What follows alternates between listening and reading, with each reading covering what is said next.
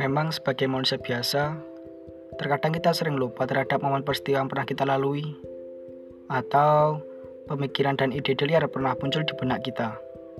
Untuk itu, ada kalanya kita perlu mengabadikannya.